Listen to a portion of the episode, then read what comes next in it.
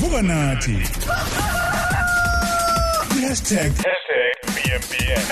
#VMBS 20 minutes after 8 Sithethe FM mashumi amabili imzuzu emveni kwelesisha galombili hora ngomhla ka-18 kuDisemba ka-2014 eh i-General Assembly ye-United Nations yabe siqhamuka-ke nesisombululo sokuthi kuthathwe eh umhla ka-13 June njengosuku-ke lomhlaba wonke jikelele lubizwa nge-International Albinism Awareness Day. Njengalokho iningizimu Afrika ingxenye yomhlaba nayo-ke iyaligubha-ke lolu suku. Kanti-ke i-Albinism Society of South Africa-ke izobe inemarsh eh, ehlose ngayo ukuthi-ke ifundise hayi ukufundisa nje kuphela umphakathi. Iphinde futhi iyeqikelela ukuthi abantu ke bayazi ngeinkinga ke eyibhekana eh nomphakathi ke eh wonke. Namhlanje khosini FM sinobhekisisa ke Maxwell Tabete osihlalo eh wayi Albinism Society of South Africa kwaZulu Natal ngokunjalo ke nosiphelele mnguni ongomunye ke abazobe bengena eh bengenela ke lona lo lu lemash ekhona namhlanje.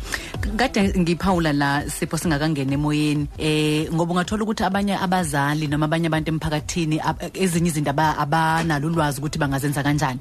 Into engiyiqaphelile nje ngosiphelelisiwe ngesikhathi engena la isiqoko sakhe esi eh, ngingathi nisiwumhelane eh lokho ke kuthiwa i-white brim hat. Sifihla ngisho umqala si- si- siyisigqoko nje impela njengoba ngisho umhelane siphelelisiwe kung- kungani umuntu one albinism kufanele afake isigqoko esinje? Into yokuqala nje engingayisho sisinongcebo ngibonge i- indlela oyibeke ngayo womunye wabasakazi. Engasho ukuthi ufundisekile kakhulu silibonga igalelo into enza ukuthi umuntu one albinism kubaluleke ukuthi ayivikele elangeni ukuthi i-cancer iyabulala. Kuthini sine albinism? Asicinje ngoba ne skin cancer uhlinzo kususela ama lesions kodwa uyafa ngempela literally because umuke yaba phinda futhi yaba waba nayo kwesibili isuke isi 10 times worse than you were actually eh ekuqaleni. Yes. Mm.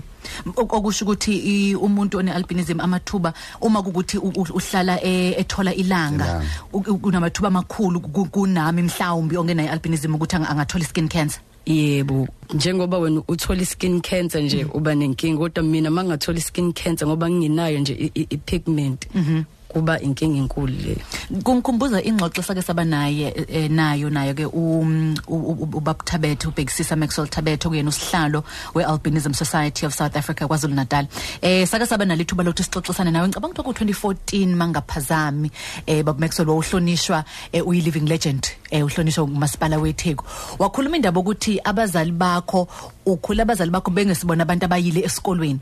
Kodwa into ababehlezi beyisho bethi nakekela isikhumba sakho nakekela isikhumba sakho. Washo ukuthi kwayinto yakungena nje nawe ukuthi uzinakekele. Ngale kwalokho kokunakekela isikhumba iziphi izinto othola ukuthi umuntu one-albinism ubhekana nazo? Uthola ukuthi abantu abafundisekile ukuthi uzinakekela kanjani ngendlela efanele?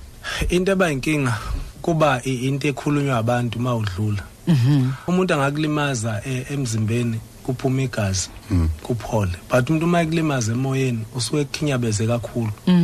Kunezinto abantu abayikhulumayo ezigcina zikwenze u- u- u- ungazethembi ukuthi khona into ongayenza empilweni.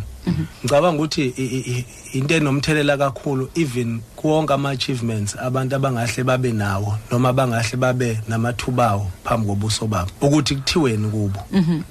Manje mhlawumbe njoba nizoba nemashi inhloso yemashi? Ang- angishayeli izandla u- u- i-province yakwazulu natal ngokuba namaphalamende ngokuhlukahlukana ama amaphalamende ogogo abakhubazekile nani nani kahle kahle ngaphezu kokuthi si celebrate uJune 13 celebrate u5 years simenyezelwe njengabantu abakhubazekile. Si responda kwi resolution eyathathwa kwi disability parliament last year eyaveza ukuthi kunegebe lolwazi phakathi kwe kweinhlaka kahulumeni nabantu bamabhizinisi nodokotela about ialbinism. Okwenza ukuthi kucompromiseke isecurity kucompromiseke yonke into even though i-declaration isinikeza ipackage ka-disability so kwase kuthiwa ake kubonakala ukuthi yiphi indlela esingahlangana ngayo sixoxe. Kutholakala ulwazi from ama-experts odokotela kutholakala ulwazi from experiences abantu abane-albinism nohulumeni ne-private sector ishare ukuthi what do they know?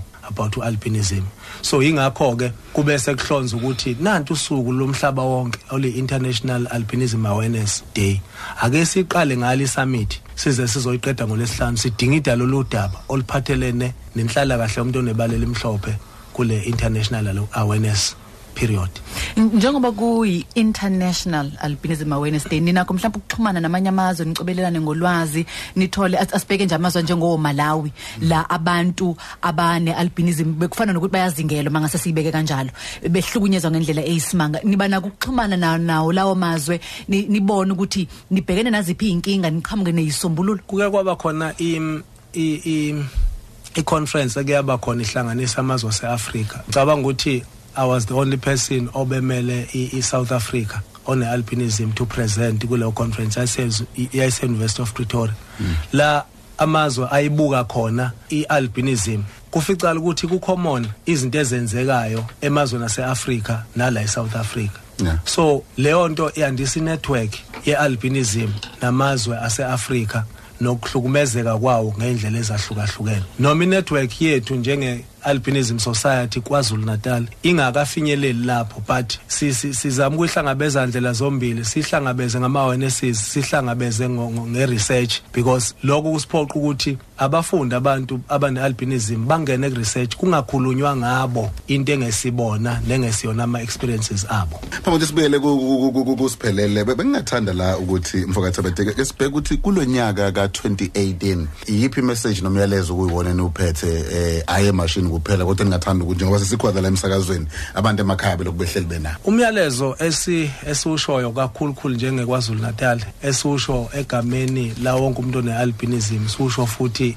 in in resonance with iUN ukuthi asikho isikhala esidlula imfundo. Imfundo inokhiye okuvulela la abantu bekuvalele khona. Yeah. Uma ngabe ukuvulela ungene uzokhombisa i-potential onayo uma usungaphakathi. And esithanda ukusho siya- siyayibonga iminyango kahulumeni kakhulukhulu ka-social development nomasipala wetheku because ibona abantu abasheshe basi-understanda ukuthi siwobani.